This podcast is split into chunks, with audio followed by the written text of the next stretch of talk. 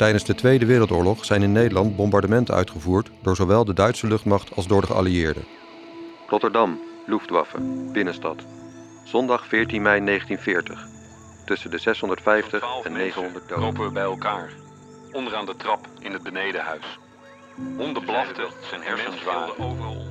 Ik let alleen op het bakje dat hij met een hand onder zijn kin hield. Luftwaffe, binnenstad. Zondag 14 mei 1940. Tussen de 650 en 900 doden. Stil en roerloos bevat verslagen van ooggetuigen. Ingebed in de bewerking van een autobiografisch verhaal door de Amerikaanse Irak-veteraan Phil Clay. We weten het niet. We, we weten niet wat wij met ons geschut hebben aangericht. En de andere jongens weten het ook niet. We weten niets. Twee perspectieven komen bijeen.